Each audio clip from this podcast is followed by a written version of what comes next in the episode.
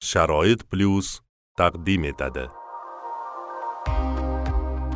Sharoit plyus podkast loyihasi. Hozir masalan g'arb mamlakatlarida shunaqangi uzoq yillar to'shakka mixlanib qolgan odamlarni birov odam o'rnida ko'rib nogironlik belgilariga nisbiy qilib nozil qilingan oyatlar to'g'risida nuqson borda ovozimda ana shuni evaziga ba'zi tovushlarni o'qiyotganimda unchalik yetkazib chiqazolmayman sharoit plyus podkast loyihasi. Bizning internetdagi manzilimiz uch w nuqta sharoit plyus nuqta uz assalomu alaykum hurmatli aziz do'stlar.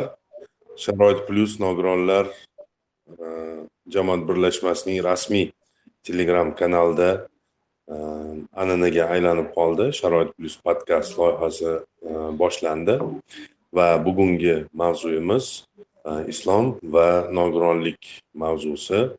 E, biz bugun mm, mana shu e, islom tarixida o'tgan nogironligi bo'lgan insonlar va umuman shariatning nogironligi bo'lgan insonlarga munosabati va ularga ko'rsatilgan e'tibor.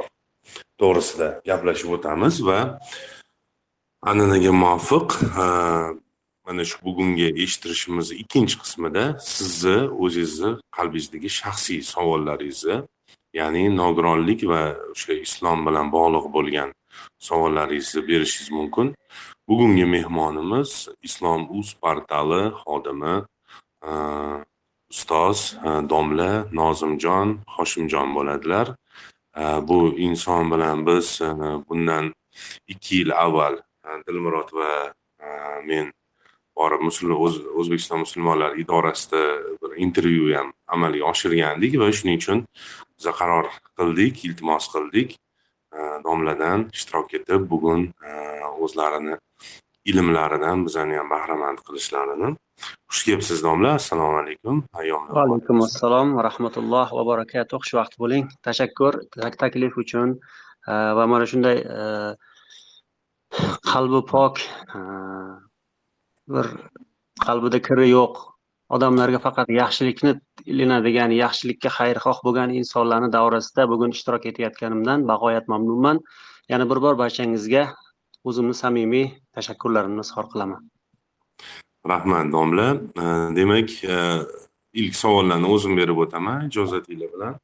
Ho'p domla o'zi umuman e, islom tarixida nogironligi bo'lgan insonlarni ahamiyati biz judayam mashhur sahoba bor abdulloh ibn maktum bu inson to'g'risida judayam ko'pchilik ko'p va xo'p eshitgan. Imkoni bo'lsa o'sha nima deydi kam eshitilgan va judayam ilmi kuchli insonlarga asosan ma'lum bo'lgan shunaqa insonlar to'g'risida bir ulamolar to'g'risida qur'on ilmini egalari bo'lgan shunaqa nogironligi bo'lgan shunaqa insonlar to'g'risida biroz bizga gapirib bersangiz imkon bo'lsa تفضل بسم الله الرحمن الرحيم. الحمد لله الحمد لله رب العالمين والصلاة والسلام على أشرف المرسلين سيدنا وأسوتنا محمد وعلى آله وأصحابه أجمعين. أما بعد السلام عليكم ورحمة الله وبركاته. قدر لي مزنة تنجل عزيز أكو كالر أبا سنجلر برادرلر دين داشلر. Alloh taolo barchalarimizni o'zi iymonda islomda hidoyatda namozda taqvoda sobit qadam qilsin. Sihat salomatlikda ofiyatda sog'likda bardavom qilsin. O'zini hidoyatidan ayirmasin va xotimamizni chiroyli qilsin. Darhaqiqat e, dinimizni ya'ni shariatni maqsadlari deb aytiladigan ibora bor. Arabchasiga maqosidu sharia deyiladi. Bu shariat maqsadlari beshta narsani o'z ichiga oladi. Ya'ni insonning jonini aqlini naslini dinini va molini himoya qilishni o'z e, ichiga oladi. Demak shariatni barcha hukmlari namoz bo'lsin zakot ro'za haj bo'lsin sadaqalar bo'lsin qo'yingchi qanday hukm bo'lishidan qat'iy nazar mana shu hukmlarni ichida insonni mana shu beshta narsasini himoya qilishga qaratilgan. Demak e, insonni joniga xatar bo'lgan paytda masalan pulingizni qo'yib qo'yib namoz o'qiyotgan bo'lsangiz o'g'ri pulingizni olib ketayotgan bo'lsa namozingizni buzishga ruxsat bor. Bemor bo'lsa ro'za tutmaslikka ruxsat bor to tuzalguncha.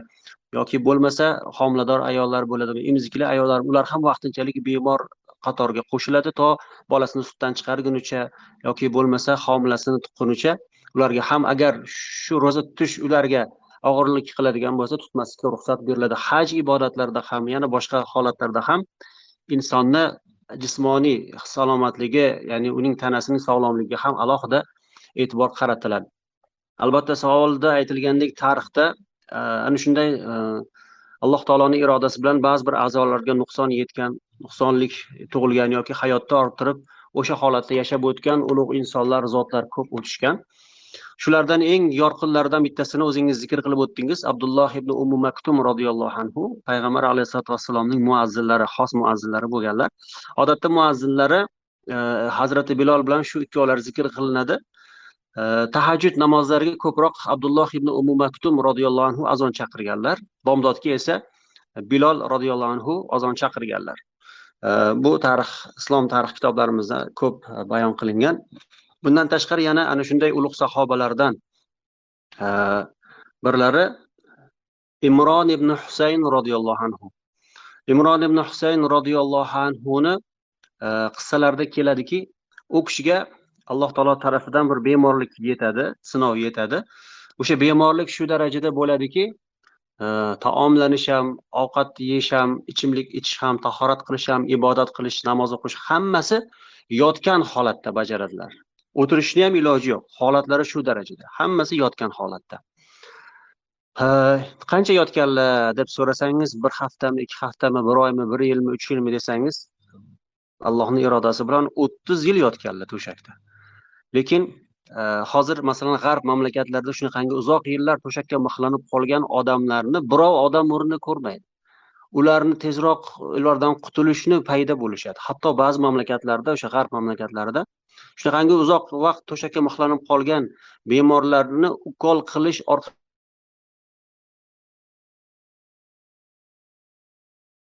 vafot ettirish ya'ni o'ldirish e, haqida referendum o'tkazilganda ko'pchilik buni yoqlab ya'ni qo'llab quvvatlab xayrixoh bo'lib ovoz bergan. Bunda ham bemor ham tezroq o'lib qutuladi kasallikdan unga qaraydigan pul sarflaydigan dori olib keladigan yaqinlari ham tezroq undan qutulishadi go'yoki ularni nazdida shunday lekin musulmonlardachi bizdachi deyilsa imrod ibn husayn roziyallohu anhu o'ttiz yil osmonga qarab yotgan bo'lsalar odamlar har kuni ziyoratlarga kelardi. U kishini yaxshi ko'rib u kishidan duo olish uchun e, o'ziga ibrat olish uchun har kuni odamlar u kishining eshiklarida doim navbat turib ziyorat qilishardi. Kunlarni birida mutarraf degan kishi ukasi alo bilan o'sha sahobani ziyoratlarga keladi. Shunda alo u kishini yotgan holatda qiynalayotganlarini ko'rib ko'ziga yosh olib yig'laydi. Yig'laganda imron ibn husayn roziyallohu anhu ya'ni o'sha bemor sahoba ey falonchi nimaga yig'layapsan?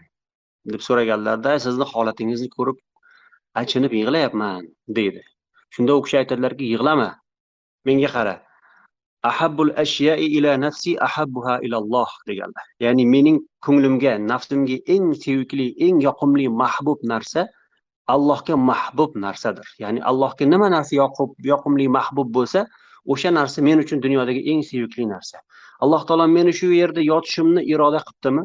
Shu yotishim u zotga yoqimlimi mahbubmi? Izni irodasi ketgan ishmi? Dunyoda man uchun mana shu yotishdan afzal narsa yo'q degan keyin aytganlarki menga qara men senga bir sirni aytaman. Faqat sharti vafot etgunimga qadar birovga aytmaysan deydilar. Ho'p mayli ayting deganda mening ziyoratimga har kuni farishtalar kelishadi. Ular menga salom berishadi. Men ularni salomlariga alik olaman. Men bilan suhbat qilishadi keyin chiqib ketishadi deganlar. Qarang. Nima uchun u kishini huzurlariga farishta kelyapti? Salom beryapti suhbatlashib chiqib ketyapti. Odamlarni qatorida farishtalar ham kelib u kishini ziyorat qilishgan.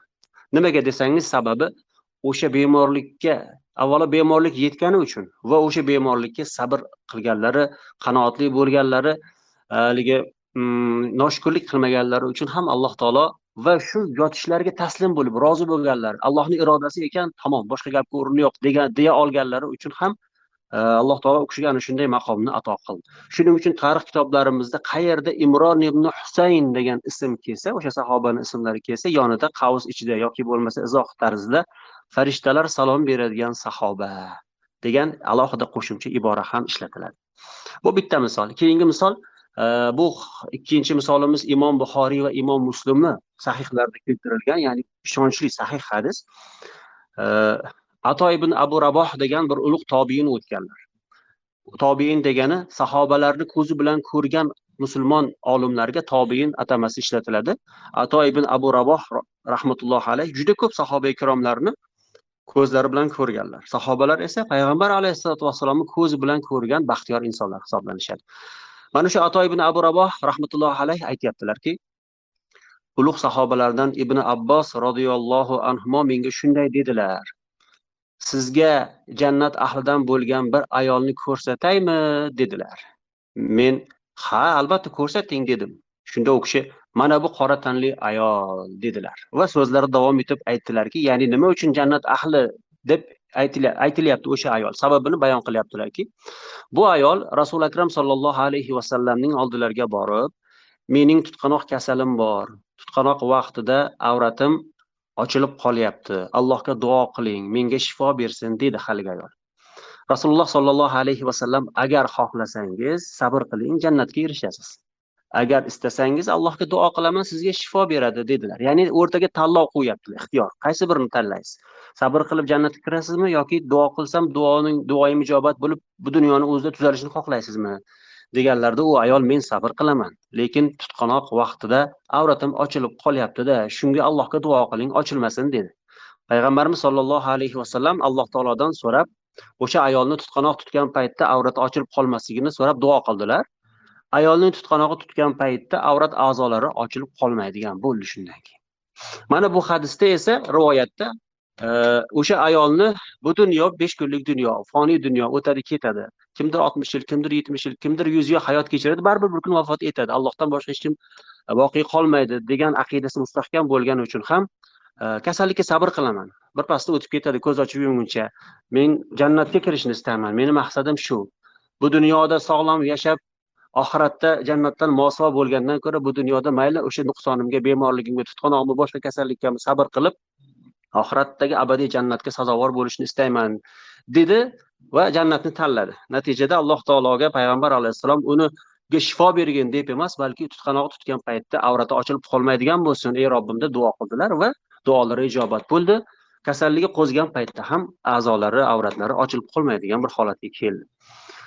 Bunga o'xshagan e, misollar yana ko'p. Masalan solihlardan birlariga ismlari zikr qilinmaydi.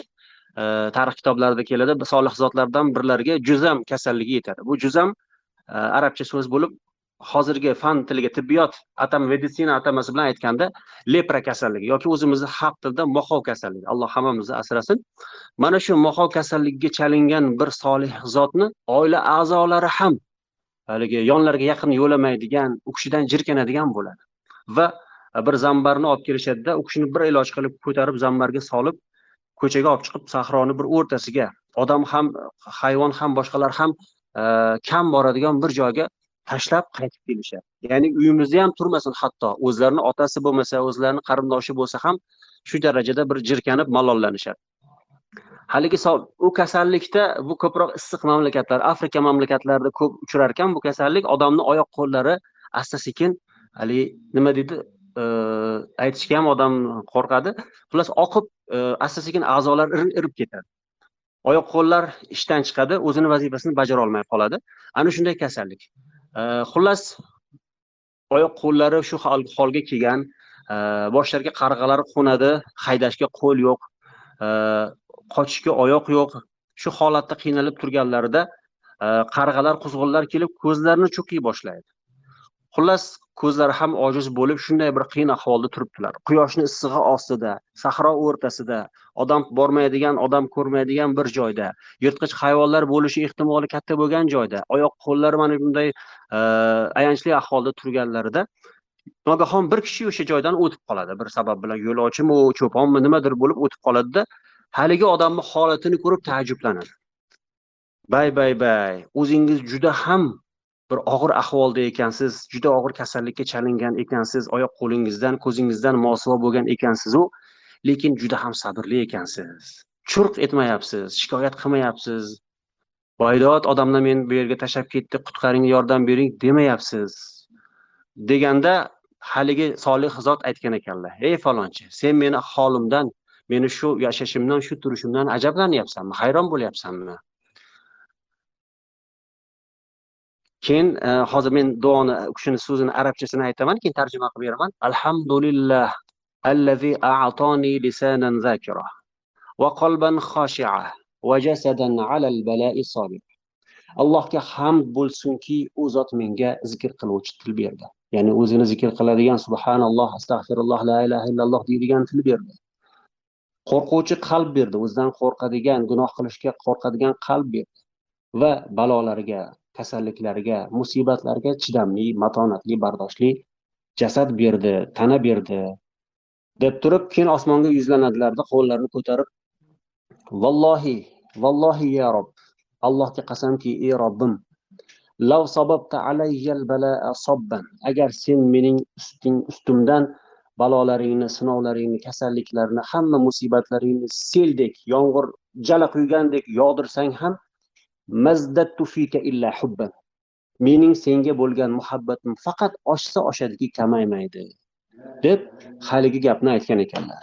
Demak e, shunday holatda turgan odam ha qiynalib qoldim juda nochor ahvoldaman oila a'zolarim ham meni tashlab ketishdi jirkanib malollanib.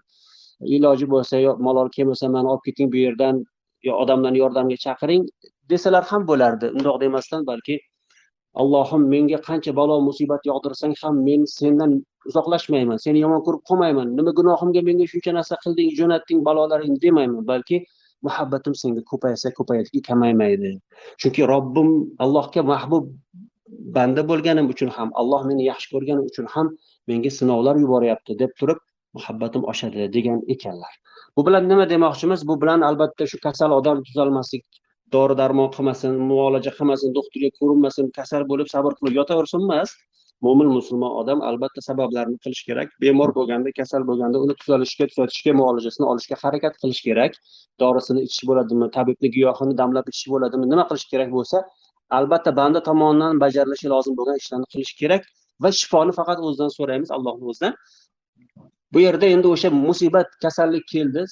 O'shanga sabr qilishni bir namunasini davolanish bilan birgalikda allohim allohga nisbatan qalbda norozi kayfiyat bo'lib qolmasa bo'ldi. Maqsad shu. Bu qissalarni rivoyatlarni sahih hadislarni keltirishdan maqsad shu.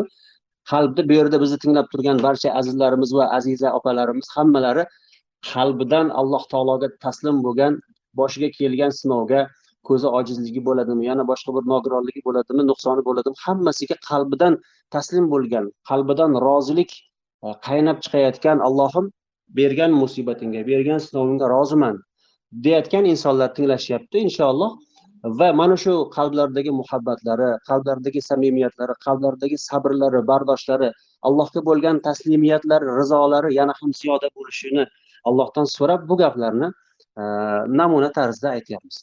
Albatta davolanishga harakat qilish asnosida qalbimiz noshukurlik norozilik bilan emas. Shuncha odam yetti milliard bandalaring bor meni nima gunohim bor edi nimaga menga bu kasallikni berding degan norozilik bo'lib qolmasa bo'ldi qalbimizda. Chunki insonni alloh taolo bir biriga sinov qilib yaratgan. Boy kambag'al uchun kambag'al boy uchun sinov. Sog'lom faqir e, bemor uchun bemor sog'lom uchun sinov. Boyni sabrini emas balki shukurni sinash uchun faqirni sabrini sinash uchun. E, sog'lomni salomatligidan qanday foydalanyapti? Va bunga qanday shukur qilyapti? Buni sinash uchun. Bemorga esa bemorligida ham ibodatni qilyaptimi qoldiryaptimi? Va bunga qanday sabr qilyapti? Noshukurlik qalbida norozilik bormi yo'qmi? Shuni sinash uchun alloh taolo bandalarini ba'zilariga unday ba'zilariga bunday sinovlar yoki ne'matlar yuboradi. Va yana bir haqiqatni yaxshi bilishimiz kerakki bandaga keladigan musibatlar yoki bandaga keladigan tanasiga keladigan ba'zi bir nuqsonlar kasalliklar bo'lsin boshqa bo'lsin bu Alloh o'sha bandasini yomon ko'rganligini alomati emas yoki boylik bersa tanasi to'rt muchasi sog'lom bo'lsa bola chaqalarida ham hech kim kasal bo'lmasa ota onasi boshida davlati bo'lsa butun nima orzusi bo'lsa hammasi atrofida hayyo bo'lgani alloh uni yaxshi ko'rgani uchun shuncha ne'matni berdi degani emas. Bu hammasi sinov. Biz sinovli dunyoda yashayapmiz imtihon dunyosidamiz azizlar. Va imtihondan hamma turli baholar bilan chiqishi hammamizga yaxshi ma'lum. Kimdir besh baho oladi kimdir to'rt baho oladi kimdir uch oladi kimdir ikki baho olib qaytadan yana kuzda imtihon topshirishi kerak bo'ladi. Lekin bu dunyoda unaqa imkoniyat yo'q. Maktabda universitetda bo'lishi mumkin. Qaytadan обработка qilib topshirasan deb. Lekin dunyoda bir marta umr beriladi shu bir marta umr davomida inson o'sha imtihondan chiroyli o'tib olishga harakat qilishi kerak. Chunki qur'oni karimni o'zida ham bir necha oyatlarda robbim meni bir muddat dunyoga qaytargin.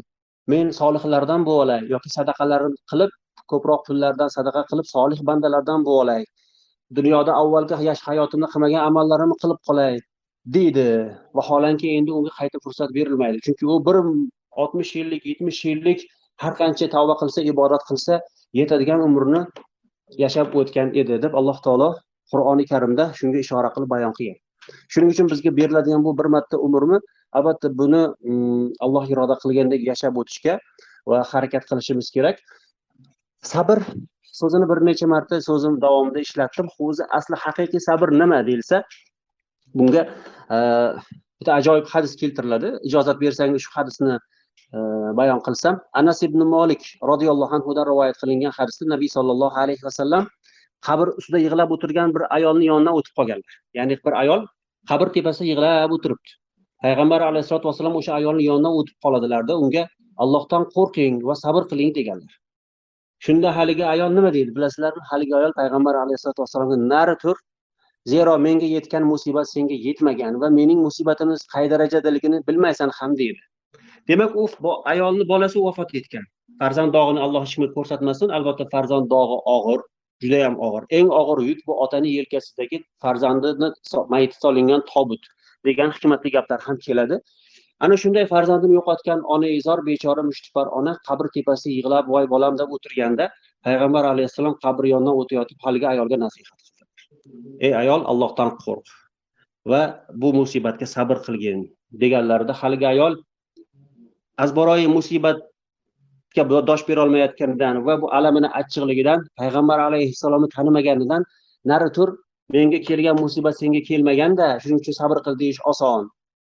Agar meni boshimga kelgan musibatni qancha qanchaligini bilganingda edi bunaqa demasding degan ma'noda gap gapirdi shunda u ayolga atrofda turgan kishilar sahobalar bu kishi payg'ambar alayhissalotu vassalom bo'ladilar deb tushuntirishdi. Ya'ni haligi ayolga payg'ambarimizni tanitib qo'yishdi. Boyagi ayol aytgan so'zlardan uyaldi pushaymon bo'ldi. Uzr so'rashga payg'ambar alayhissalotu vassalomni uylariga keldi va u kishining uyi oldida hech qanday soqchi ko'rmadi. Ya'ni payg'ambar bo'lsa uyda bir uy qasrdek bo'lsa kerak eshik oldida ikkita qo'riqchi tursa kerak deb o'ylagandi boshqa podsholarga o'xshatgan. Qarasa hech qanaqangi qasrda emas oddiy kulbada yashayaptilar. Bir qavatli usti tom loy suvoqli uyda. Uylar oldida hech qanaqangi qo'riqchi yo'q. Payg'ambar alayhissalotu vassalom o'sha podsholardek yashadi eshik oldida qo'riqchilar bor deb o'ylagani uchun ham hayron bo'ladi. Uylarga kirganda payg'ambar alayhissalotu vassalomni oldilariga boradida men sizni tanimabman deydi. Ya'ni uzr so'ramoqchi bo'lib shunaqa deganda payg'ambar alayhissalotu vassalom haqiqiy sabr birinchi zarbadagi sabrdir deganlar.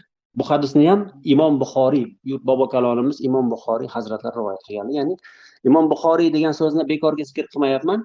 Birinchidan e, bu bizga faxr iftixor tuyg'usini bildirsa ikkinchidan bu hadisni sahih ekanligini sezdirish uchun ham imom buxoriyni rivoyatlari deb qo'yyapman ya'ni bu yerda payg'ambar alayhissalom haqiqiy sabr ilk musibat kelgan lahzalarda bo'ladi. Masalan bolasi o'lgan ona bolasi o'lgan ota shu holatda har xil alloh taologa e, norozilik kayfiyatini bildiradigan ma'nolarni aytmasdan sabr qilib allohim bugun shu soat shu soniyada bolam o'lishi kerak ekan. Seni irodang ekan boshim ustiga taslimman. Irodangga hech qachon qarshi chiqmayman. Faqat menga sabr bersang sabrimni ajrini ziyoda qilib bersang bo'ldi allohim. Qiyomat kuni jannatga kirishimga shu bolam sababchi bo'lsin qo'limdan yetaklab kirsin deb sabr qilib turish bu haqiqiy musibat lahzasidagi sabr bo'ladi. Chunki keyinchalik vaqt o'tgandan keyin uch kun besh kun bir hafta bir oy o'tgandan keyin bolasi o'lgani ko'nikadi ona borib borib mayli ko'ylagini ko'rganda yotog'ini ko'rganda bir yana yarasi yangilanib ko'ziga yosh oladi lekin baribir vaqt o'tgan sari nima bo'ladi? Uni musibatlari sal sal kamayib e, alami zahri jarohati tuzalib ancha unutadida odam o'zi shundoq ham bosilib qoladi demoqchi payg'ambar alayhissalom shuning uchun alloh taolodan e, hammamizni boshimizga keladigan musibatlarga sabr berishini va sabrimizga beradigan ajrini ko'paytirib berishini so'rash bilan birga siz aziz tinglovchilarga ham alloh taolodan mana shu holatingizga sabr qilishni tavsiya qilib qolardim va alloh taolo mana shu sabringizga yarasha ajr mukofotni o'zi ko'paytirib bergan bo'lsin. Rahmat domla. Ajoyib bir mana shu nima deydi bizni savolimizga bergan ajoyib javobingiz uchun minnatdorchilik bildiramiz. Endi keyingi savolim shunaqa bo'ladiki mana ollohni kalomida ko'plab o'sha oyatlarda shu jumlani eshitganmiz. Tarjimalarni izohli tarjimalarni o'qiganda. Ya'ni kim o'sha keling mana xususan o'sha mushriklar to'g'risida olloh xitob qilganda ko'p aytadi ularni ular ko'r va kar edilar degan yoki ko'r va kardirlar degan mana shu nogironlik belgisi endi ma'nosida emasku umuman mana shu nogironlikka oid belgilar zikr qilingan o'sha oyatlarda. Demak shunaqa ma'noni anglasak bo'ladi. Menimcha aslida mana shu nisbiy olib qaraydigan bo'lsak majoziy ma'noda nogironlik aslida bu jismiy holati emas. Bu o'sha uni qalbi qulubligi yokida o'sha mana baqara surasida bitta oyatda kelgan u shunday toifa insonlar borki ularga qancha haqdan gapirsangiz baribir foydasi yo'q chunki biz ularni quloqlarini muhrlab qo'yganmiz degan ma'nodagi oyatlar kelgan. Umuman mana shu nogironlik belgilariga nisbiy qilib nima deydi o'sha nozil qilingan oyatlar to'g'risida o'sha qisqacha ozgina bir ma'lumot berib o'tsangiz ho'p bo'ladi juda o'rinli ajoyib voqeani ustiga mos vaziyatga mos savol bo'ldi. Ikki ming o'n sakkizinchi yilgi ko'p bosqichli qur'oni karim musobaqasida eng hakamlarni ko'zini yoshlanishiga qalbi titrashiga va atrofdagi takbir sadolari yana ham baralla jaranglashiga sabab bo'lgan qori yoki qoriyalar aynan ko'zi ojiz bo'lsada qalbi ochiq bo'lgan basirat ko'zi ochiq bo'lgan qoriyalarni tilovatlarini so'ngidan sodir bo'ldi namanganda bo'ladimi andijondami yoki respublikani boshqa hududlaridami? Qayerda bo'lsin aynan shu ko'zlari ojiz qori qoriyalar tomonidan ajoyib ovoz va tajvid bilan qilingan tilovatlarni ta'sirida biz ko'zimiz ochiq bo'la turib qur'onni oyatlarini oyatlarni harflarni kalimalarni ko'rib turib biz shunchalik Э, himmat qilmas ekanmiz g'ayrat qilib robbimizni kalomini o'qishga urinmas ekanmiz. Mana bular esa mana bunday nuqsonlar bo'la turib himmatlari baland ekan. Bu esa qalb ko'zlari ochiqligi uchun ham bizni hayratda qoldirishdi deb turib ko'pchilik ta'sirlangan o'zini e, ta'sirlanganligini va hayratlanganligini yashirolmasdan ko'ziga yosh olgan. Aytmoqchimanki e, o'sha oyatdagi mushriklarni yoki kofirlarni alloh taolo vasf qilganda ular kardilar ko'rdilar mazmuni yoki quloqlariga qalblariga muhr urdik deganda to'g'ri siz e, to'g'ri yo'nalishda anaqa qildingiz o'sha qalb ko'ziga muhr urilganligi. Mana bu oddiy ko'zi boshidagi peshonasini ostidagi ko'zi atrofni ko'raveradi lekin ibrat nazari bilan boqmaydi yoki qulog'i eshitadi eshitish ibratlanish ma'nosida eshitish emas yoki iymon keltirish maqsadida eshitish emas eshitish eshitish emas. Haqni topish hidoyatga erishish uchun shu muhammad ibn abdullohni o'qiyotgan shu kalomni qur'on deyapti. Bu allohni kalomi osmondan alloh tarafdan nozil qilindi farishta jabroil vositasida deyapti. Eshitaylik haqni topaylik shunga ergashaylik to'g'ri yo'ldan adashmaylik degan maqsadda tinglamaydilar. Ular balki o'sha ig'vo qilish uchun odamlarni yo'ldan qaytarish uchun yoki bo'lmasa shunchaki nomiga eshitish uchungina tinglaydilar yoki yo'l yo'lakay tinglab o'tib ketadilar hatto o'sha o'tgan qavmlarni ham o'sha nuh alayhissalom qavmlarini alloh taolo misol qilib keltirganda ular har gal nuh alayhissalom da'vatga chaqirganlarida islomga haqqa chaqirganlarida ummatlarini ular qo'l barmoqlarini quloqlariga tiqib oldilar. Degan shunaqangi vasfni ham alloh taolo keltirgan ya'ni haqni eshitib qo'ymaylik ya'ni ta'sirlanib iymonga kelib ketmaylik degan maqsadda shunchalar oyoq tirab qaysarlik qildilar sarkashlik qildilar deydi alloh taolo. Shuning uchun bu yerdagi karlik ko'rlik e, mana bu tibbiy tomondan aytgandagi karlik jismoniy karlik ko'rlik emas balki o'sha qalbning muhrlanishi qalb muhrlangandan keyin u yoqqa maviza ham qur'on tilovati ham nasihat ham ta'sir qilmaydigan bo'ladi. Chunki biz bilamizki e, qattiq xarsang toshga yerdan bir toshni olib otsangiz taraq etgan ovozi eshitiladi tosh yana qaytadi. Lekin loyga toshni otsangiz tosh o'sha loyga chap bitib yopishib botib qoladi. Qalb ham uyg'oq yumshoq qalb bo'lsa aytilayotgan mavizalar o'qilayotgan qur'on tilovatlari unga borib ta'sir qiladigan va qalb ta'sirlangandan keyin qalb bilamiz hadisga muvofiq tana a'zolarini podshohi bo'ladi. Qalb butun tana a'zolarini tuzalishiga yaxshi tomonga o'zgarishiga masjidga namozga solih amallarga yetim boshni silashga mana bunday ko'zi ojiz yoki bo'lmasam eshitishda gapirishda nuqsoni borlarga yordam moddiy ma'naviy yordam qo'lini cho'zishga qalb tana a'zolarini undab qo'yadi. Agarda qalb haligi xarsang tosh misoli bo'ladigan bo'lsa xuddi unga tekkan tosh ovoz chiqarib qaytgani kabi mavizalar qur'on tilovat nasihatlar o'qigan kitoblardagi ma'lumotlar xuddi toshga o'xshab unga botmasdan balki qaytadigan bo'ladi. Ya'ni ta'sir qilmaydigan bo'ladi. Haqiqiy e, ko'rlik mana shu qalbning ko'rligi bo'lsa haqiqiy karlik o'sha haqni eshitganda ham unga yurmaslik yoki uni eshitib eshitmaganga olmaslik yoki eshitmaslikni harakatini qilish bilan quloqqa barmoqlarni tiqib olish boshini kiyimlar bilan o'rab olish yoki uzoqroqqa qochishga e, harakat qilish bilan bo'ladi. Shuning uchun ham e, masalan haqiqiy nogiron kim deb so'rasa mandan shaxsan men aytamanki haqiqiy nogiron odam ya'ni haqiqiy ko'zi nogiron odam haromga qarashdan ko'zini tiymayotgan alloh qarama degan narsaga qarayotgan alloh qara degan narsaga qaramayotgan kishilar. Haqiqiy kar kishilar qur'onni juma mavizasini yoki telefondagi internetdagi mavizalarni tinglamayotgan kishilar tinglashni xohlamayotgan kishilar. Haqiqiy oyog'i ishlamaydiganlar masjidga bormaydiganlar haqqa yurmaydiganlar yetimparvarlikka qadam bosmaydiganlar bechoralarni e, ko'zi ojizlarni oyog'i yurmaydigan qo'llari ishlamaydigan nogironligi bor aziz kishilarni ko'ngillarini ko'tarishga ularni o'ksik dillarini shodlantirishga qadam bosmaydiganlar haqiqiy oyog'i cho'loq kishilar.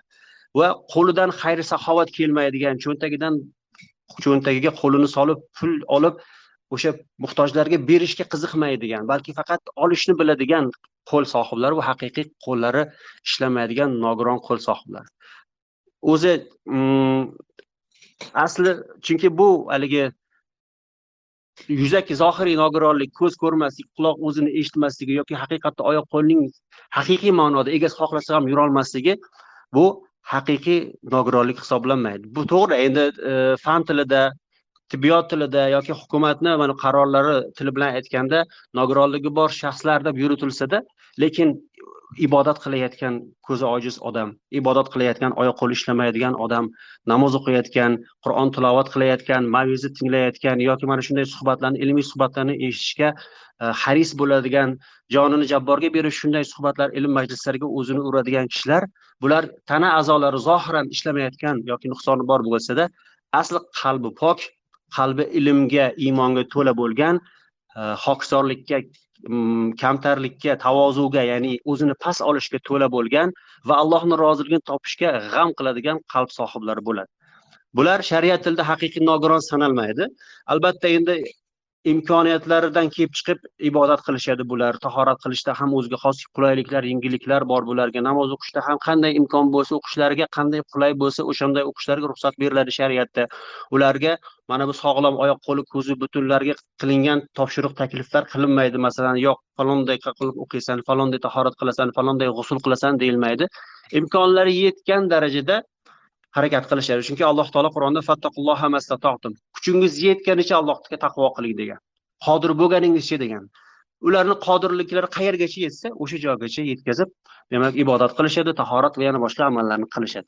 Shuning uchun men o'shanday kishilarni tilidan bodi kirib shodi chiqadigan fahsh so'zlarni ayamay tap tortmay talaffuz qiladigan gapiradigan so'kinadigan odamlarni haqorat qiladigan g'iybat qiladigan yolg'on gapiradigan yolg'on guvohlik beradigan odamlarni obro'siga til tekkizadigan ularni kamsitishga urinadigan obro'sizlantirishga urinadigan ulamolarga sakraydigan shunaqangi internetlarda hozir ko'payib ketdi. Facebook boshqalarda. Ana shunday kishilarni tilini man haqiqiy nogiron til sohiblari degan bo'lardim. Gapirolmayotgan bo'lsa ham lekin qalbidan ulamolarga muhabbatli bo'lgan allohni kalomini mana shu gapirolmaydigan holatda ham g'uduranib bo'lsa ham ovoz chiqarishga urinib bo'lsa ham talaffuz qilishga urinadigan qiynalib mashaqqat bilan tilovat qilishga urinadiganlar bular haqiqiy tili sof mukammal va shu holatiga sabr qilib shunda ham himmatini to'xtatmasdan men endi uzrlimanku nuqsonlimanku men endi o'qimasam gunoh bo'lmasa kerak alloh o'zi ko'rib turibdiku demasdan shunda ham yo'q men ham o'qishga harakat qilay harakat qilay deganlar bular nogironlar hisoblanmaydi aslida. Chunki payg'ambarimiz sollallohu alayhi vasallam muborak hadislaridan birida al mahiru bil qur'ani safaratil kiromil barora qur'onga mohir bo'lgan kishi ulug' itoatlik elchi farishtalar bilan birgadir. والذي يقرأ القرآن ويتتعتع فيه وهو عليه شاق له أجران. qur'onni o'qiyotganda qiynalib tutilib hijjalab mashaqqat bilan qiynalib qiynalib o'qiyotgan kishiga esa ikkita ajr bordir deganlar bitta ajr o'qiganiga qur'on o'qiganiga ikkinchisi esa qiynalganiga ajr deganlar demak qiynalsa ham qur'on o'qiyaptimi yoki hadis o'qiyaptimi yoki diniy kitoblarni mutolaa qilyaptimi demak u odam bir emas ikkita savobni qo'lga kiritayotgan bo'ladi qur'on o'qiyotgan odam shuning uchun ham bejizga bu hadis keltirilmagan. Ya'ni himmatni baland qilish uchun menda bu kasallik bor endi deb o'tirib qolmasin. Harakat qilaversin. Shu alloh taolo ko'rib turibdi. Qilgan harakatiga yarasha. Shu holida ham uringaniga yarasha ajr savobini ko'paytirib beradi deb payg'ambar alayhissalom e, bu biz ummatlarni har qanday holatda bo'lishimizdan qat'iy nazar shu qur'on o'qishga hadis o'qishga dinimizga ko'proq o'rganib amal qilishga undaganlar targ'ib qilganlar.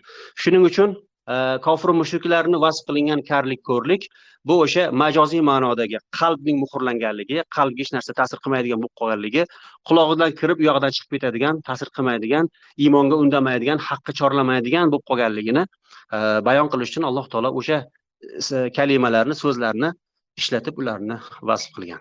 Vallohu alam. Rahmat domla manga mana shu mavzuni e'lon qilganimizdan keyin shaxsiy bitta savol kelganda judayam hmm.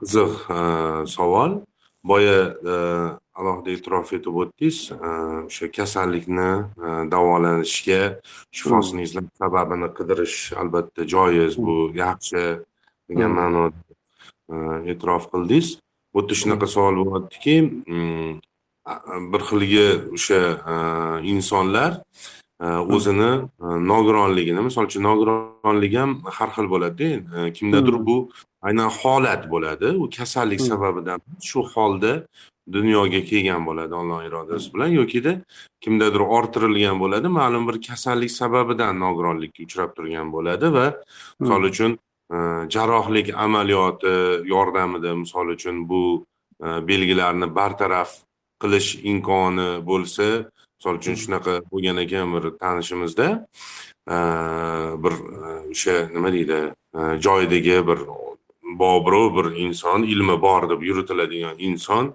bu xudoga xush kelmaydi bu xudoni irodasiku san nima xudoni irodasiga qarshi chiqyapsan bu endi san shunaqa bo'lib o'tishing kerak olloh shuni iroda qildi jarrohlik anaqasiga qilmagin bormagin operatsiyaga bormagin shunaqa qilib jannatga kirasan degan ma'nodagi jumlalarni aytganda misol uchun yokida hozir mana rivojlanyapti meditsinada o'sha donorlik masalasi. Misol uchun o'z farzandiga bitta buyragini berish yokida mana shunaqa ma'nodagi donorlik qilish o'zini misol uchun qon quyish orqali qonini berish mana shunaqa jarayonlarda umuman shariat bunga qanaqa ko'z bilan qaraydi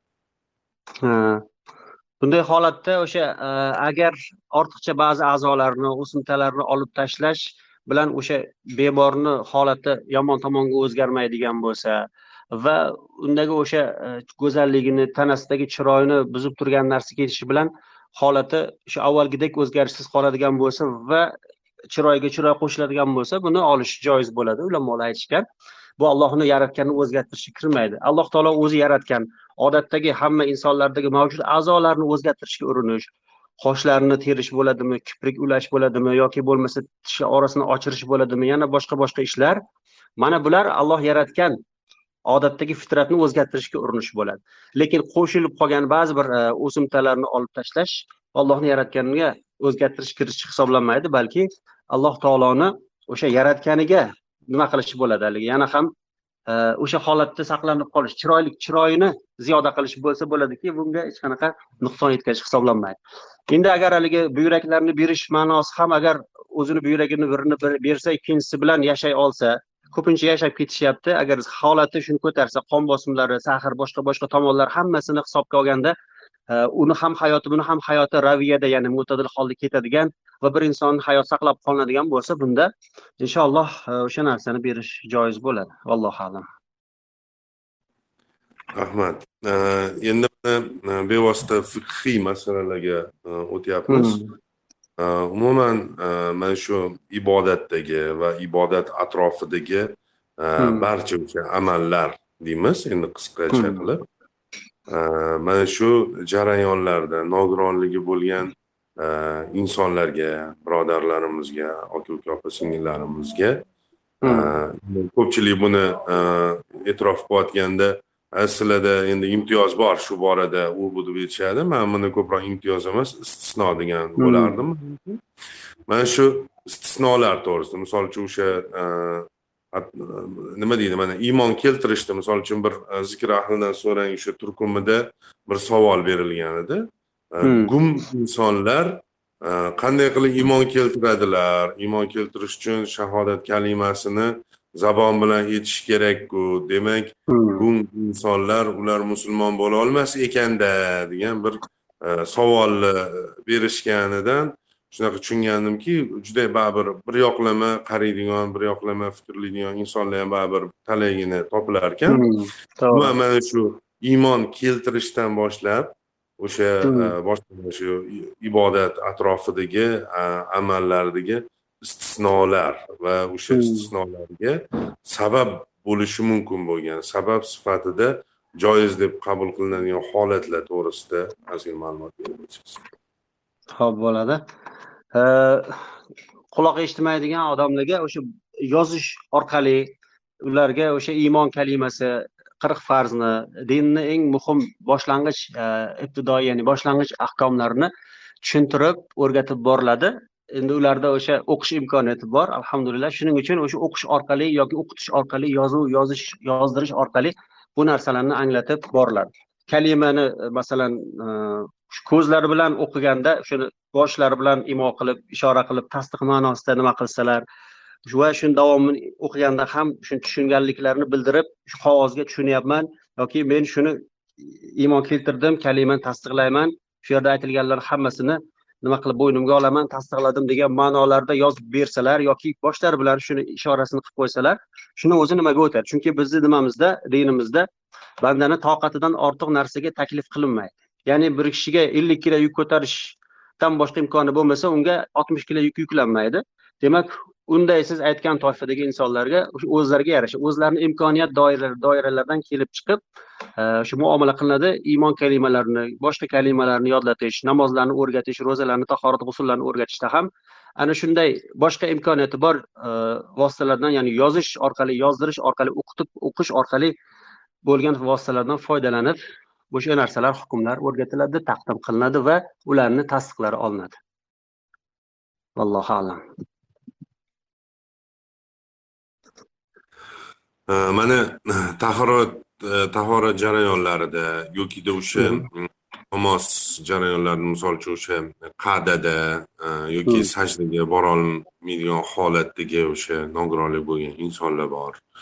Ko'pchilik shunaqa bir adashuv ham guvoh bo'lganman bir ikki marta o'zim ya'ni hmm. man o'zim mana bunaqayu sajdaga borolmayman yo mana bunaqa qilib o'tirolmayman o'shaning uchun o'qimayman man hmm. ozgina mana bunaqa sal immunitetim past hmm. anaqa bilan suv bilan misol uchun o'sha istinjom qilsam mani organizmimga salbiy ta'sir qiladi xudo ko'rib turibdi qalbingda bo'lsa bo'ldi deydigan insonlar ham baribir bor misol uchun e, mana ko'pchilik e, nogironligi bo'lgan insonlarni e, haligi ko'rganda juda rahm shafqat nazari bilan qaraydiku lekin hmm. baribir shu toifa insonlarda ham hmm. ozgina adashuvlar bo'ladi misol uchun shunaqa hmm.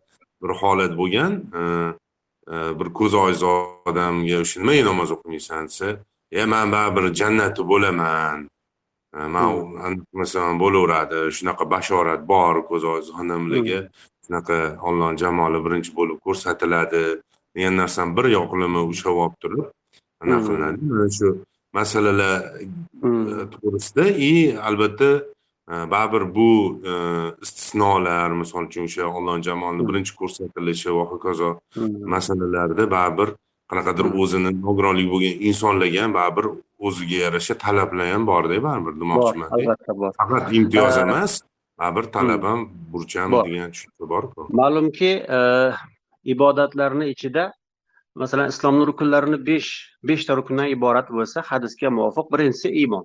Iymon keltirganmiz alhamdulillah. Eh, ko'zi ojiz bo'ladimi oyoq qo'li ishlamaydigan bo'ladimi gapirolmaydigan eshitmaydigan bo'ladimi qanaqa kasalligi bor bo'lishidan yoki sog'lom inson bo'ladimi farqi yo'q hammamiz alhamdulillah iymon keltirganmiz mo'minmiz musulmonmiz. Iymon keltirgandan keyin islomning ilk rukni bu namoz. Namozni e, balog'atga yetgandan boshlab umrini oxirigacha besh vaqt namozni o'z vaqtida ado etish farzi ayn. Ya'ni har bir kishining boshiga farz bo'ladi. Uni tark qilish gunoh kabira bo'ladi. Namozni inkor qilish kufr bo'ladi. Ya'ni namozni inkor qilgan odam namozni farzligini inkor qilgan odam yoki o'qimasa bo'laveradi deydigan odam alloh asrasin dindan chiqadi kofir bo'ladi. Uchinchisi ro'za.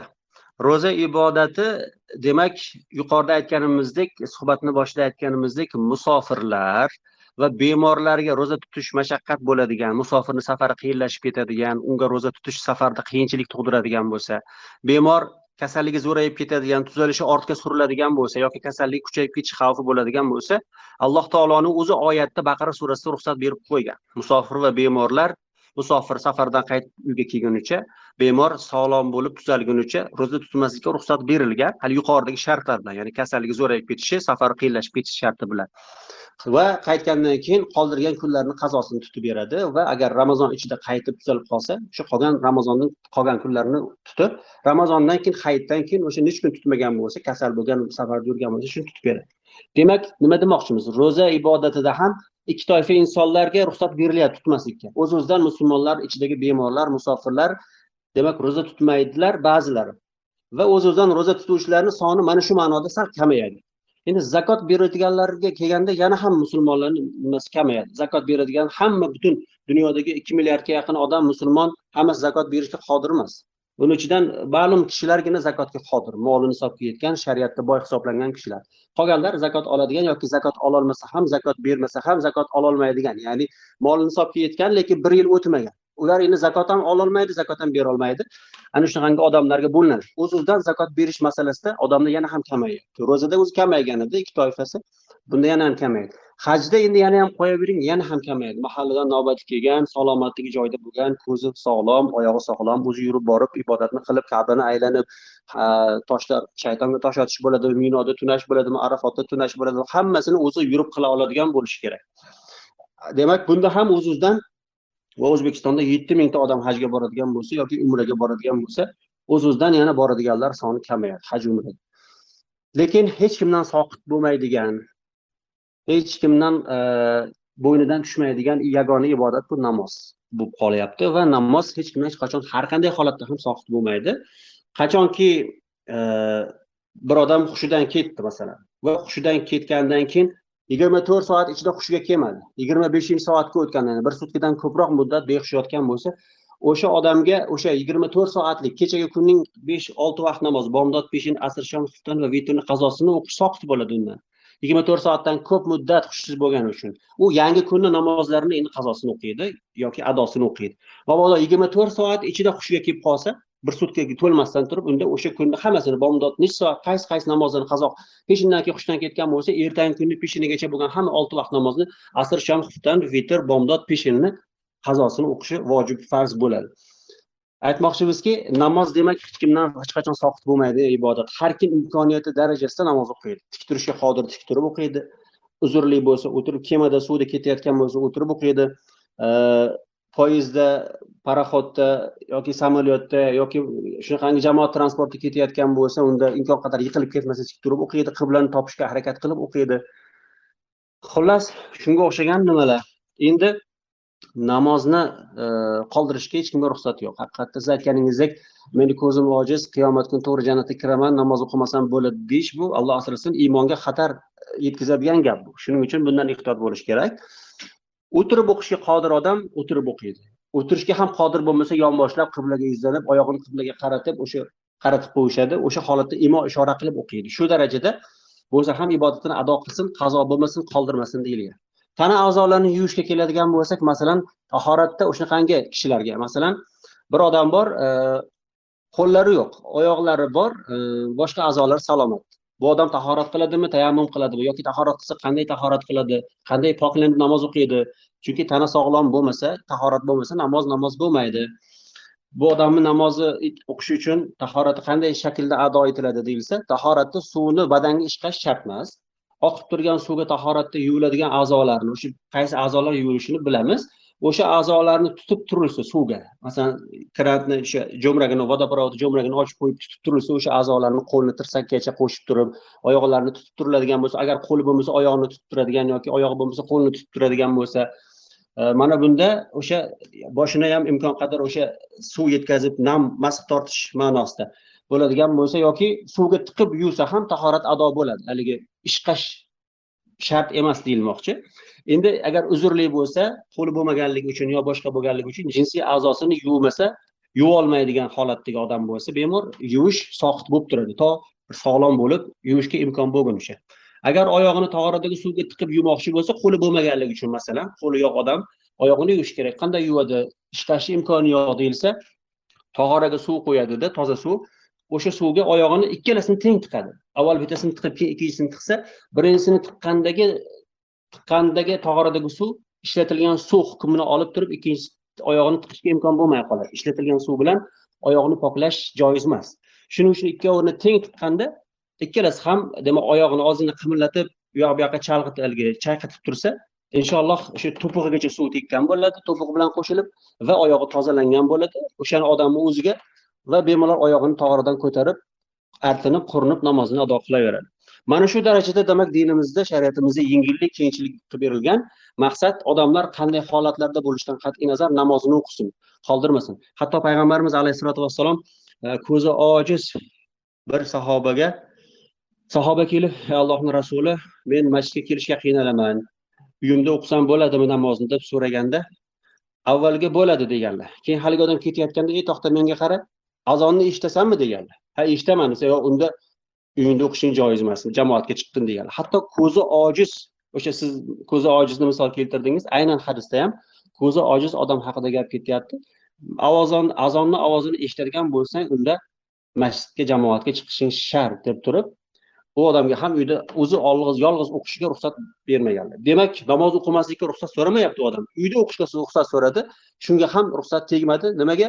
Azonni ovozini eshitgani uchun.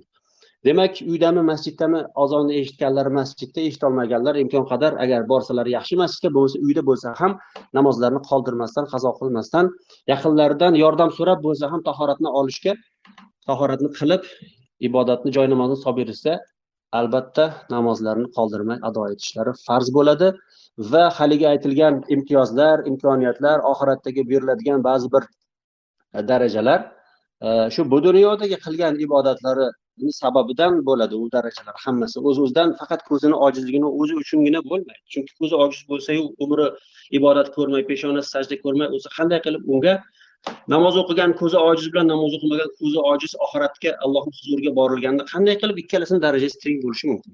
Bo'lishi mumkin emas aqlga ham mantiqqa ham to'g'ri kelmaydi. Shuning uchun albatta o'zini holatidan kelib chiqib imkoniyati darajasida allohga taqvo qilishi va ibodatlarni qoldirmasligi farz bo'ladi. Allohu rahmat domla. Endi e, ijozatingiz bilan bevosita shu tinglovchilarimizni savollariga o'tamiz. Mhm. agar imkoni bo'lsa dilmurod yordam beraverasiz o'sha savol bermoqchi bo'lgan tinglovchilarimizni ulaymiz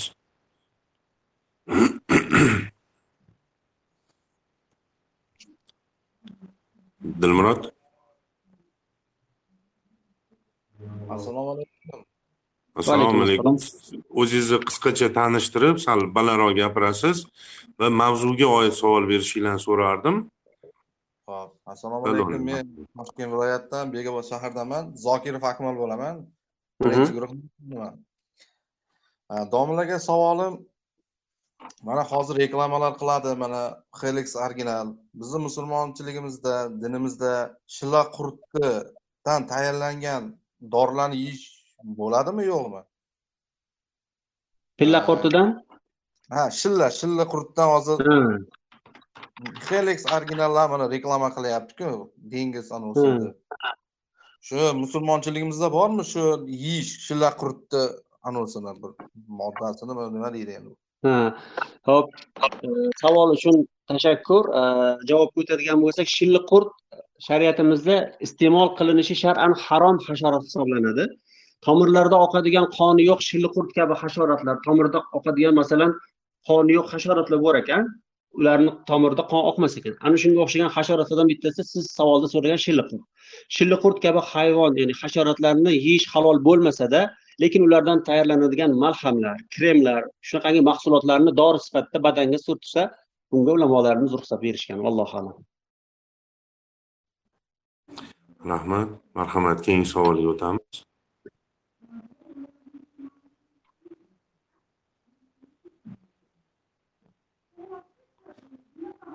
Qo'l ko'targan. Marhamat, assalomu alaykum, eshitamiz. Assalomu alaykum domla assalomu alaykum Va alaykum Hammaga assalom. meni ismim mm, go'zal men chilonzor tumanida yashayman. Qizim borda o'n uch yoshli nogiron. Bolaligidan nogiron u. O'zini o'zi tutolmaydi keyin o'tirgan joyiga ham qilib qo'yaveradida.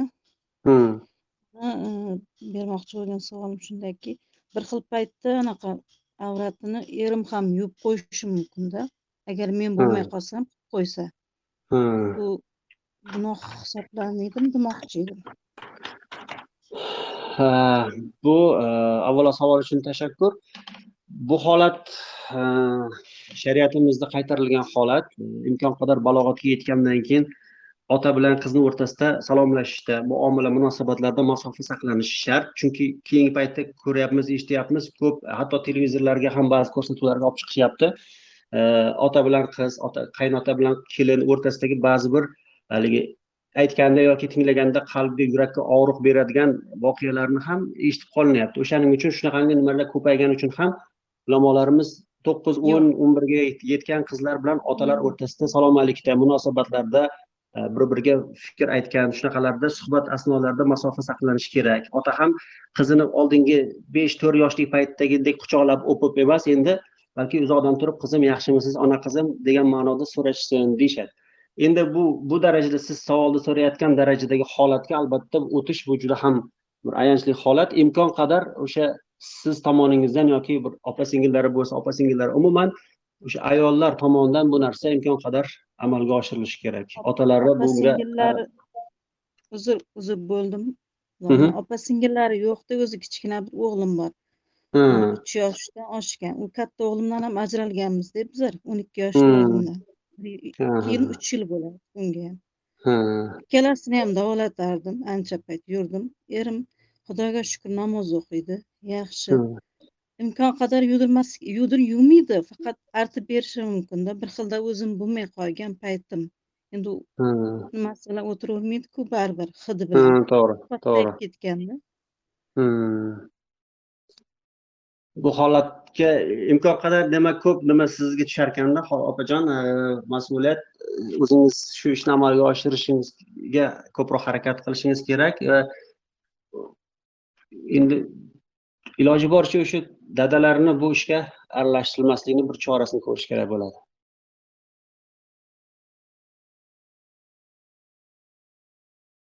Mana shunday.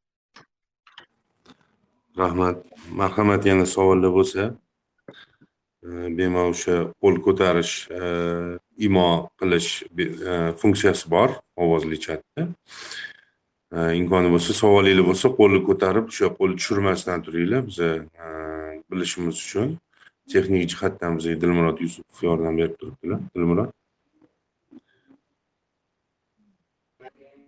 assalomu alaykum va rahmatullohi va barakatuh va alaykum Alaykum assalom manfaatli bir suhbat bo'ldi. Rahmat kattakon alloh rozi bo'lsin. Mani savolim mm, shundan iboratki man qur'onni e, o'qishga yoshligimdan qiziqardimda keyin uyimizda hech kim bilmagani uchun kursga borib o'rgandim. Hmm, keyin karantin bo'lib qoldida u domladan chiqishga to'g'ri kelib qoldi. Keyin keyin chiqib qoldida anaqa bitta ustozga e, otinoyga shogirdlikka turdim hifz qilish uchun. Hifz Hmm. qilish uchun turdim. U ustoz endi mani ovoz nuqsonimda ozroq ovoz bor anaqa nima deydi nuqson borda ovozimda. Hmm, ana shuni evaziga ba'zi tovushlarni o'qiyotganimda unchalik yetkazib chiqazolmayman keyin u ustoz aytdilarki manga siz qachon mani darajamga yetganingizdan keyin hifz qilasiz bo'lmasa hifz qilolmaysiz qur'onni dedilar hmm, lekin man xohlayman qur'onni hifz qilishni boshidan ham o'zim yodlashni Hmm. boshlaganimda siz xato o'qigansiz deb aytdilarda man nima Hmm. ovozim endi olloh bergan ovoz bundan ortiq bo'lmaydi bundan Hmm. ortiq to'g'rilolmayman man Hmm. man ovozim ovozim bilan qur'on yodlolmaymanmi yo'q yo'q unaqa emas opajon. Xudo xohlasa alloh taoloni karami fazli keng. O'zi sizni holatingizni ko'rib bilib hisob kitobini qilib turibdi. Siz shunchalik mehr bilan muhabbat ixlos iymon bilan qur'onni yodlashga harakat qilavering iloji bo'yicha iloji bo'lsa o'sha ustozingiz bilan maslahatlashib ustozdan har bir o'qigan oyatlaringizni o'tkazib o'tkazib yodlashga harakat qiling. Qur'oni karimni tushunmay o'qisa ham qiynalib o'qisa ham tutilib hijjalab o'qisa ham ovozlarini bor imkoniyatini ishga solib o'qisa ham inshaalloh ajr savob bo'ladi. Alloh taolo o'zi hifzingizni ziyoda qilsin. Siz hech qachon ko'nglingizni cho'ktirmasdan qur'onni yodlashga harakat qilavering mana shu olloh bergan ovozingiz darajasida imkoniyatingiz darajasida eng maksimal holatda yodlashga harakat qilavering hech kim sizni yodlash ne'matidan mahrum qilolmaydi allohu alam keyin yana ikkinchi savolim ham bor edida. Hozir man kechki ta'limga o'qishga kirganmanda E, kunduzi kunlik ishda ham ishlaymanda ba'zida E, o'sha charchab kelganimda kechda o'qishdan kelaman charchab kelganimda asr shom namozlarim qolib ketgan bo'ladi. Ba'zida charchaganimda charchab uxlab qolaman sog'ligim tufayli o'shani o'qiy olmay qolaman. O'qisam ham unaqa xushu bilan o'qiy olmaymanda o'zimdan qoniqmayman o'qiganimda. Shuni ertasi kuni qazo qilib o'qisam bo'ladimi yo'q bo'lmaydi. Xushu huzu albatta namozni ruhi har bir narsani ruhi va jasadi bo'lgani kabi tanamizni jasadimiz ham bor va bizni ruhimiz ham bor.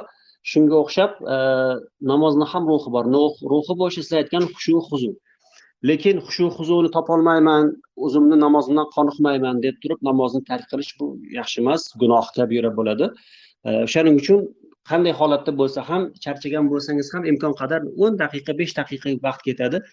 Darhol qazo qilmasdan o'qib olish kerak. Hech qachon uni ertaga o'qib olaman degan e, holatim salomatligim yaxshiligida kuch quvvatim borligida charchamagan holimda xushu huzu bilan o'qiydigan bir holatda turganimda o'qiyman demaslik kerak. Xushu huzusiz bo'lsa ham o'sha namozni farzlarini ado qilib o'zini farzini o'zini ado qilib o'sha ruku qiyom sajda qiroat takbir tahrima e, oxirgi o'tirish va salom mana shularni ado qilib bo'lsa ham ya'ni xushu huzusiz namoz bo'lsa ham hech qachon qazo qilmaslik kerak va vaqtida o'qib olish kerak va hech kim sizga. Mana hozir savolni bugun o'n yettinchi sentyabr soat to'rt sakkizda to'rt yettida bergan bo'lsangiz o'n olti nol yettida qiyomatga qadar hech kim sizga "A, qazo qilsangiz ham xushuli bo'lgan paytingizda o'qisangiz bo'ladi degan savolga javobni bera olmaydi. Vallohu alam. Mhm, rahmat. Alloh ilmingizni ziyoda qilsin rozi bo'ling. amin. Amin salomat bo'ling. Marhamat keyingi tinglovchimiz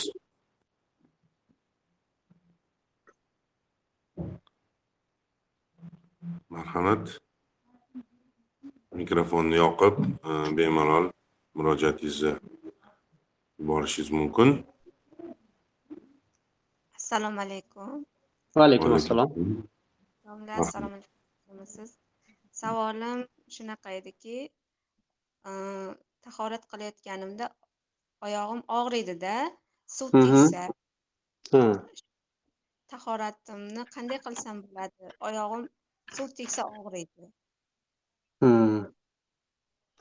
agar e, tahorat paytida suv tegsa oyog'ingiz og'riydigan bo'lsa unda o'sha qanday holatda oyog'ingizni yuvsangiz endi buni oyog'ingiz suv tegsa zarar qilishini bir ishonchli tabib doktor aytganmi yo o'zingiz shunaqa xulosa qilganmisiz o'zim his qilamanda Hmm.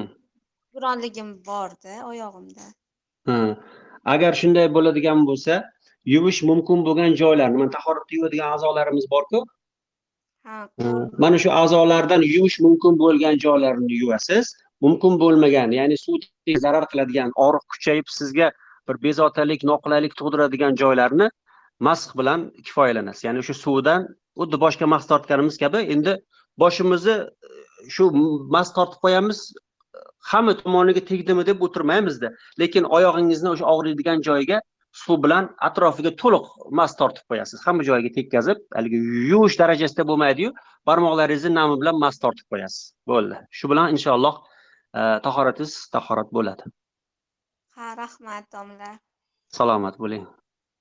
rahmat savol uchun marhamat keyingi tinglovchimiz iloji bo'lsa savolinglarni berishinglardan oldin o'zinglarni to'liq tanishtirishinglarni so'raydim va savolni shu mana yuqoridagi tinglovchilarimizga o'xshab qisqa lo'nda bersanglar judayam yaxshi bo'lar edi.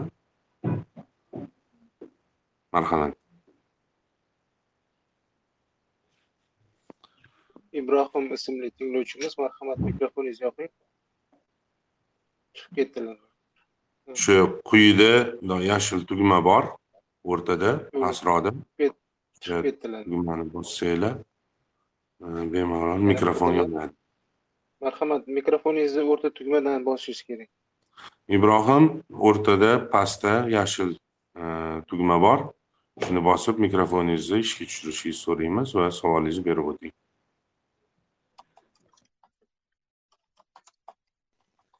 Assalomu alaykum. Man ismim ibrohim vodiydanman domlani o'zlariga shaxsiy savol bor edi shunga marhamat agar ibrohim gapira olmayotgan bo'lsalar boshqadan bo'lamiz vaqtimiz chegaralangan. Gapiryaptilar judayam e, ovozlari past ibrohim sal balandroq mikrofonga yaqinroq gapirishingizni so'raydim assalomu alaykum judayam sifat yomon to'g'risini aytsam judayam yomon eshityapmiz sizni deyarli eshitmayapmiz assalomu alaykum assalomu alaykum Va alaykum assalom va rahmatullohi va barakatuh. domla yaxshimisiz Alhamdulillah. İbrohimman marhamat savolingizni sal balandroq bersangiz yaxshi bo'lardi. Hatto man ko'zim ojiz bo'lib turib quloqim yaxshi eshitsa ham yaxshi eshitolmayapman sizni aka bo'lmasa uzr keyinroq bog'lanaman. Keyinroq bog'lanaman deyaptilar. mayli bir harakat qilib ko'rsangiz bo'lardi savolingizni berishga har qalay. Hozir noto'g'riroq joydaman shekilli aka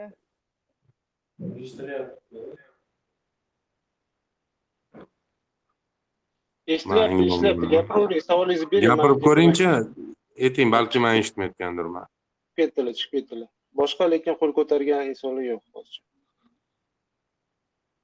marhamat dilmurod sizni o'zingizda ham bir savol bor edi boya bir gaplashganimizda shu savolni bermoqchi edingiz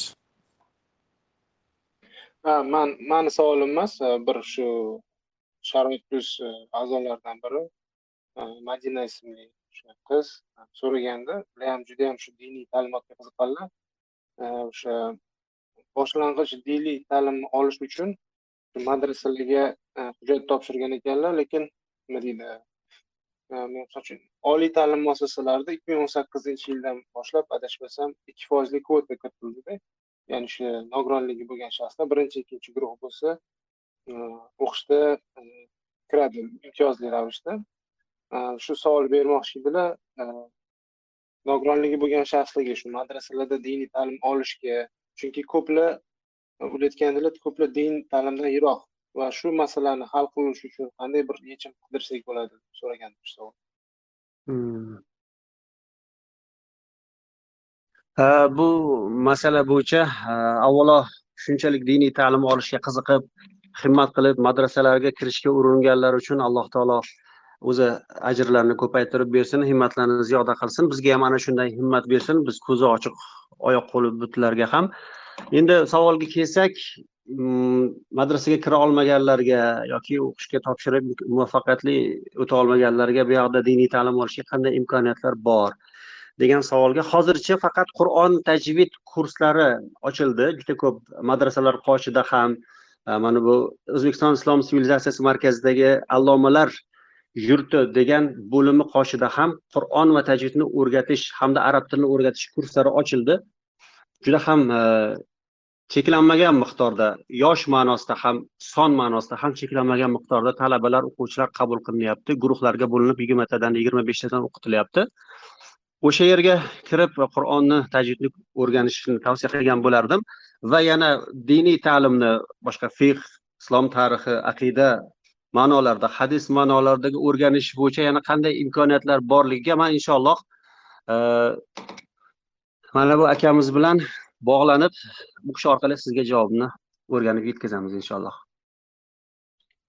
Katta rahmat javob uchun. Rahmat qo'l ko'targan savol beradiganlar bormi dilmurod bitta odam qo'l ko'tardi hozir yana qalbi pora tinglovchimiz o'zingizni tanishtirsangiz. Marhamat mikrofoningizni yoqib qisqa lo'nda o'zingizni asl ismingizni aytib.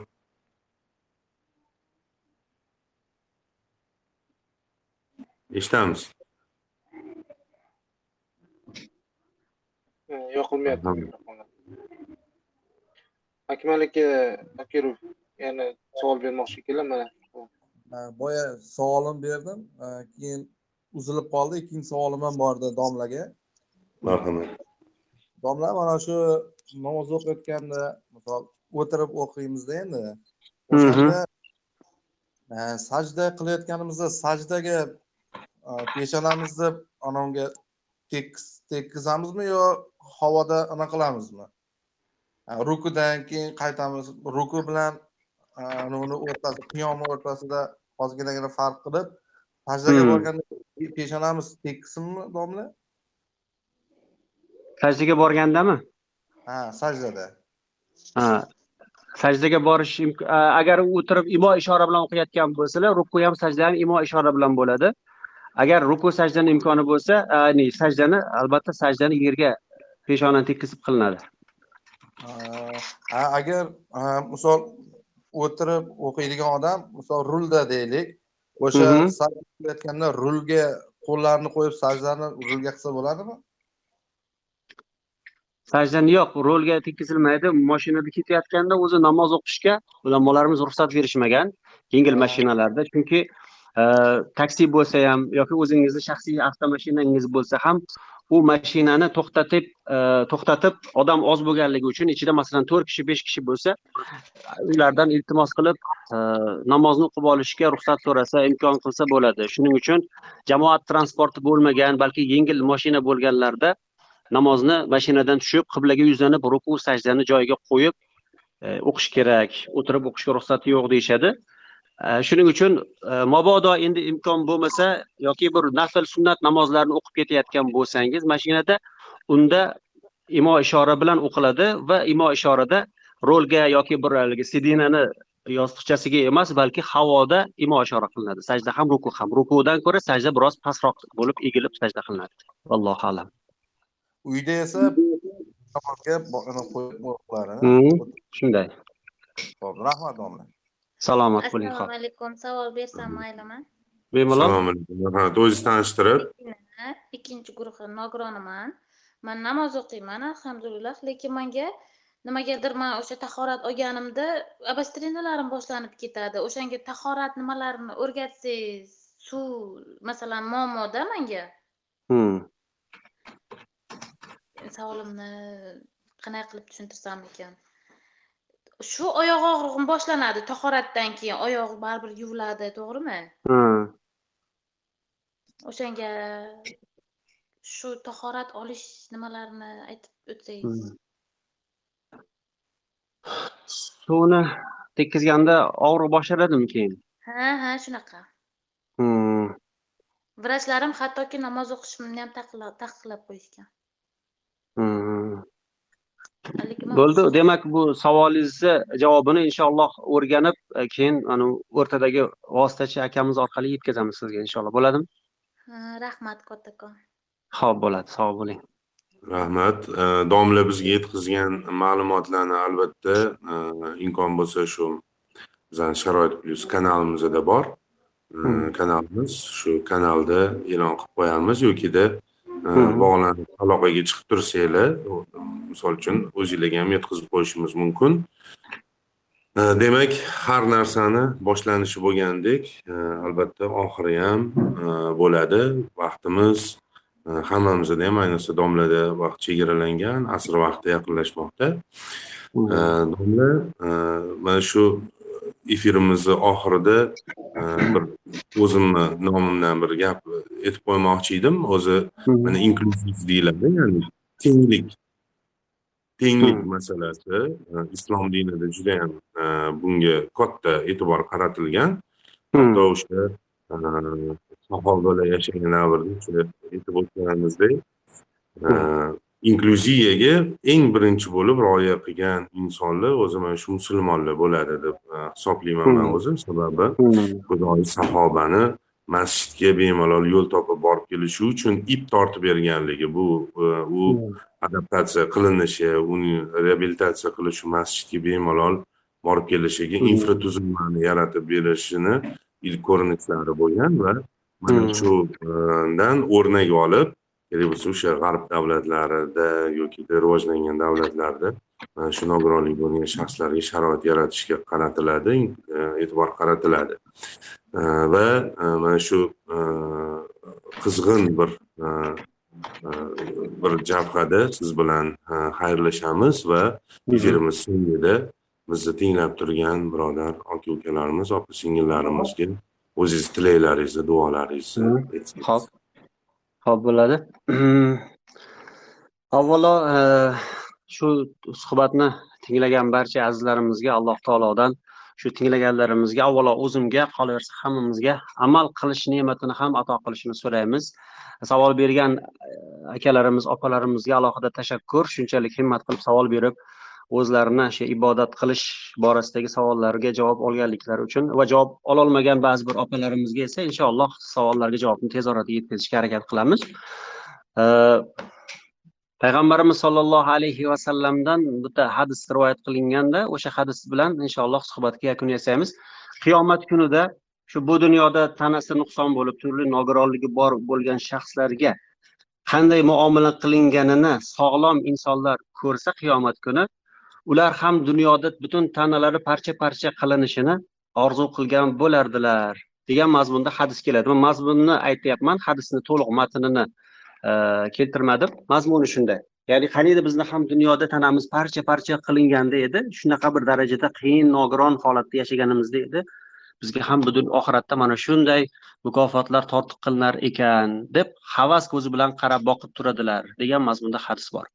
Bu yerdagi o'sha tortiq qilinadigan mukofotlar beriladigan kishilar faqatgina nogironligi bor bo'lgan va shu bilan yashab o'tganlar emas balki shunday holatda iymon keltirgan ibodat qilgan namozlarini ro'zalarini yana boshqa ibodatlarni qoldirmasdan imkon qadar dinini puxta o'rganib unga amal qilishga uringan musulmon va nogironligi bor bo'lgan musulmon shaxslar haqida gap ketyapti.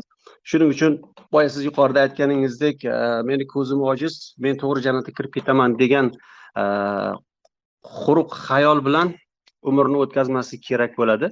Bu yerdagi suhbatga jamlangan barcha azizlarimiz aka uka opa singillarimiz hammalari ana shunday quruq xayol bilan yashamayotgan balki ibodatini hukmlarini yaxshi bilib o'rganib kerak bo'lsa mana bunday savollarni berishga jur'at qilib savollarga javob olib ana shunga asosan ibodatini vaqtida ado etishga harakat qilgan va e, men to'g'ri jannatga kirib ketaman deb amalni ibodatini tashlab qo'ymaganlar yig'ilganini ham albatta diqqatga e'tiborga e'tirofga loyiq va shu bilan birga payg'ambarimiz sollallohu alayhi vasallam o'sha haligi ayolga sabr qilsang jannatga kirasan deb bashorat berdilar. Bu esa payg'ambar alayhissalotu vassalomning so'zlari vahiydan iboratligini ko'rsatadi. Vahiydan iborat bo'lgandan keyin u zotni har bir so'zlari alloh taolo tarafidan ilhom qilinadigan yoki vahiy qilinadigan so'z bo'ladi. O'zlaridan olib gapirmaydilar chunki bir kishini jannatga kirishini e'lon qilish bu kichkina gap emas. Demak o'z o'zidan katta bir hukmni oxiratdagi uning boradigan maqomini joyini aytdilarmi? Demak bu alloh tarafidan kishiga bildirilgandan keyin aytgan bo'ladilar. Demak bu hozir bizni tinglayotgan barcha azizlarimizga mana shu o'rtadagi mana bu moderator akamiz bo'ladimi akmalxon akamni kushiga kishiga yordam bergan yana boshqalar dilmurod akalar hamma hamma mana shu kuzatuvchi tinglovchi azizlarimiz opa singillarimizga tegishli bo'ladi. Mana shu qilayotgan sabrlari va shu bilan birgalikda e, quruq xom hayol bilan yashamasdan balki ibodat qilib hayot kechirayotganliklari bu juda ham katta bir o'sha hadisda aytilgan bashoratga olib boradigan ya'ni jannatga to'g'ri olib boradigan bir hayot kechiryaptilar desak e, inshaalloh xato qilmagan bo'lamiz. Alloh taolo barchalarimizni o'zi iymonda islomda sobit qadam qilsin. E, Alloh taolo sizlarni sabringizga yana ham sabrni ziyoda qilib bunga e beradigan ajr mukofotlarni ham ko'paytirib bersin.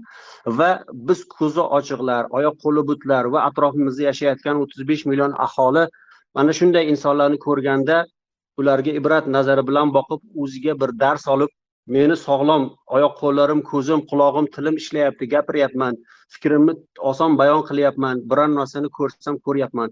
Lekin alloh bergan mana shu ne'matlarni gunohga emas ma'siyatga emas ibodatga solih amalga yo'naltira oldimmi? Bu inson shunday holatda turib ibodatga urinyapti harakat qilyapti ko'zi ko'rmasa ham masjidga kelishga urinyapti. Men nima qilib adashib yuribman? Nima qilib gunohlar botqog'ida daydib yuribman?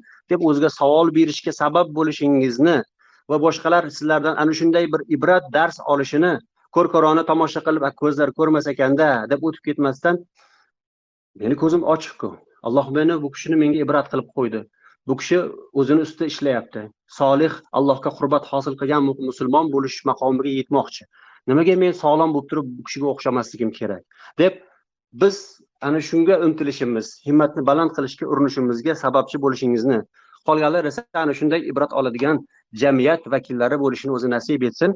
Yana qayta qayta mana shunday suhbatlar ustida iymonlashish ustida jamlanishimizni alloh hammamizga oson aylagan bo'lsin. Assalomu alaykum va rahmatullohi va barakatuh. Ya shu o'rinda yana bir narsa. Alloh taolo xonadoningizda tarbiya qilayotgan farzandlaringizga o'g'il qiz aka uka opa singillarga nabiralarga kelinlarga kuyovlarga o'zi tinchlik omonlik ibodatda bardavomlik dunyo va oxiratda najotga erishish baxtini o'zi nasib etgan bo'lsin. Doimo sizlarni duolaringizni olib sizlarga qo'llaridan kelgan yordamlarni berib ibodat masalasi bo'ladimi tahorat qilishmi g'usul qilishdami qaysi bir ishda bo'lmasin imkon qadar sizlarni xizmatingizda bo'lishlarini va sizlarni rozi qilish paydan bo'lib ulkan ulkan ajr savoblarga sazovor bo'lishlarini o'zi nasib etgan bo'lsin. Yana bir bor vassalomu alaykum va rahmatullohi va barakatuh. Domla kattakon rahmat. Sizni ham ilmingizga ziyodalik tilaymiz. Kasb umringizga rizqingizga naslingizga baraka alloh taolo. Ilohim shu tinglovchilarimiz siz va biz barchamizni shu yerda jam qilgandek alloh taolo jannatlarda jam qilishini duo qilib so'rab qolamiz. Shu o'rinda yana bir narsa agar ijozat bersangiz alloh taolo bu dunyoda o'sha sizni va siz kabi bu yerdagi tinglovchi kuzatuvchi aka uka opa singillarimizni ko'z ko'rish ne'matidan ya'ni dunyoni foniy e, dunyoni daraxtlarni tog'larni osmonni quyoshni yulduzni ko'rish ne'matidan ota onani yuziga qarash farzandlarni tabassumli nigohiga boqish ne'matidan mahrum qilgan ekan. Ilohim qiyomat kuni o'zini karamli vashiga nazar solish ne'matidan mahrum qilmasin. Amin. Rahmat. Keyingi loyihamizni o'sha keyingi sonlarida e, sizlar bilan g'oyibona uchrashib qolguncha sizlarga sog'lik salomatlik tinchlik xotirjamlik tilab qolaman. Sog' bo'ling salomat bo'ling. Barchaga rahmat.